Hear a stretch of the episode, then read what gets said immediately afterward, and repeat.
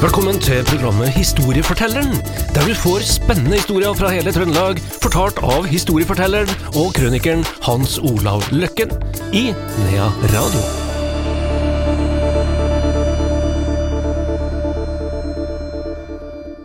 Historiefortelleren tilbake her i Nea Radio. Vi ønsker velkommen Hans Olav Løkken. Ja, takk du. Eh, I dag har du lovt å ta oss med til Lensvika. Da tenker vi på jordbær blant annet, og diverse annet, men eh, det er ikke det det skal handle om. Nei, men eh, det kunne vært det. Ja, det kunne jeg. eh, når du sier det på den måten der, så må jeg vel innrømme at eh, når jeg hører ordet Lensvika, så er det jordbær jeg tenker på, Ja. og Harald Grønningen. Og han Harald, ja. Ja, det er liksom de to Ja. ankrene jeg har, da. Og en fin plass ute i Lensvika der. Jeg har vært der med noe flyhavari òg, så jeg har vært og intervjua noen familier. Men nå skal vi til en som heter Ole Singstad. Og det er vi da på slutten av eh, 1800-tallet. Han kommer fra en eh, gård som heter Trøhaugen, da. Han eh, havna i Ålesund og gikk der vi da kalte for middelskolen. Det er vel realskolen når jeg gikk på, på, på skolen, da. Han hadde ei søster der, nemlig i Ålesund, som eh, var jordmor og gift med postmesteren der, og hun så vel litt talent i den her eh, broren, og det var jo om å gjøre å få talentene på skole. Det var jo mange som aldri fikk seg noe skoleutdannelse, for de hadde ikke råd til det. Og enda, Man skjønte jo at her var det folk som hadde akademiske evner og sånn, men de hadde jo ikke råd, foreldrene da. Men søstera ordna opp, så han eh, fikk gå på skole. Og han begynte da i 1901 på det som kalles Trondheim tekniske læreranstalt, som da er forløperen til NTH, da. Han gjorde det godt, eh, tok sin eh, diplom, da, ble eh, ingeniør, men det var dårlige tider for nyutdannede ingeniører i Norge, så han og en del andre de dro da til Amerika for å, å prøve lykka. da. Eh, han lånte seg penger for å komme over, og eh, det gikk bra, for det var veldig bruk for, eh, for, eh, for ingeniører, spesielt på jernbanen. Og han jobba litt for jernbana i New Jersey og Virginia, og så kom han seg inn i undergrunnsbanen, omtrent bokstavelig talt, i New York. ikke undergrunnsbevegelsen. Ja, det var nesten sånn òg. De lå jo der. Jeg kunne nesten tro det. Og da var det Da han fått litt erfaring òg, noen få år. Og han Det, det, det her amerikanerne, de, de begynte jo liksom å tenke på, på øh, å lage tunneler under Hudson River og under de her elvene, da. Og det var jo en kolossal kamp. Skal vi bygge tunneler, eller skal vi ha broer?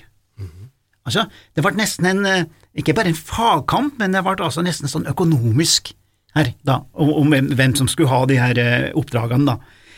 Han, eh, han gjorde det bra, og i 1911 så søkte han om å bli amerikansk statsborger, og det fikk han, da, og gifta seg.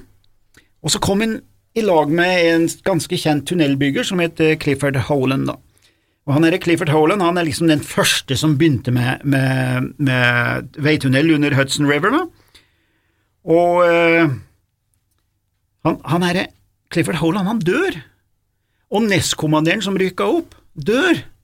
Og så var det plutselig vår mann som ved andres død rykker på en måte opp i systemet og får noe lederansvar. Og da ble det mange som begynte å prate om, i 1919 for eksempel, vi må ha et, konstruere et ventilasjonssystem. Det er ikke bra nok det som finnes i dag, det er ikke sikkert nok. Der. Og da tar han her eh, Ole Singstad, i lag med Yale University og en del tekniske institutt og sånn, laga vi en prøvetunnel på 100 meter.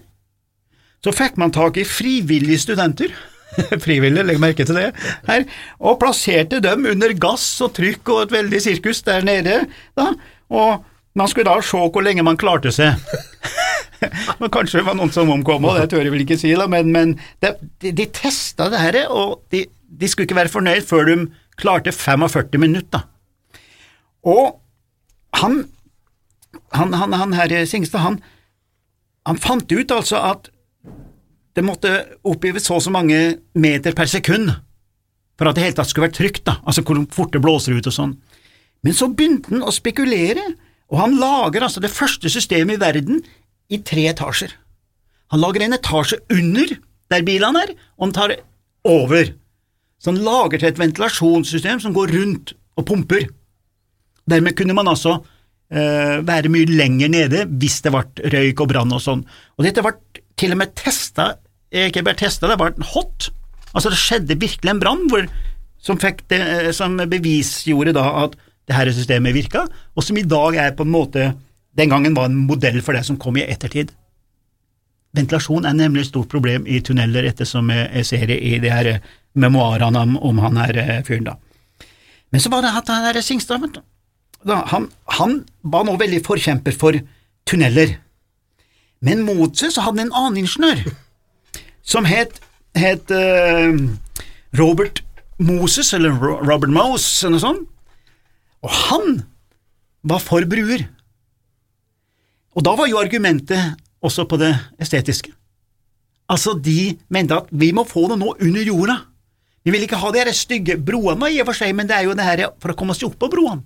Altså, det ble sånne enorme fundamenter, og sånn er det jo rundt New York i dag, som du sikkert har sett.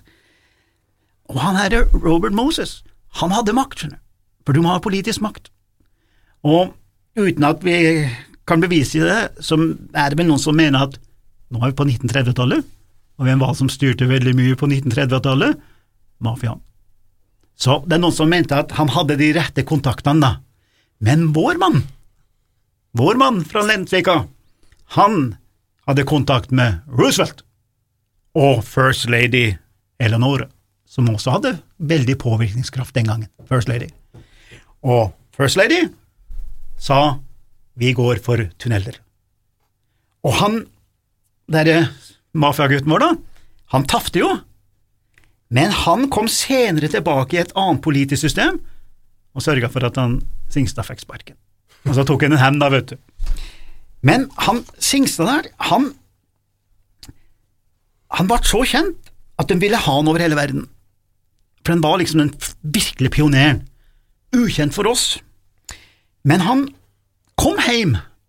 Han var vel hjemme en fire-fem ganger.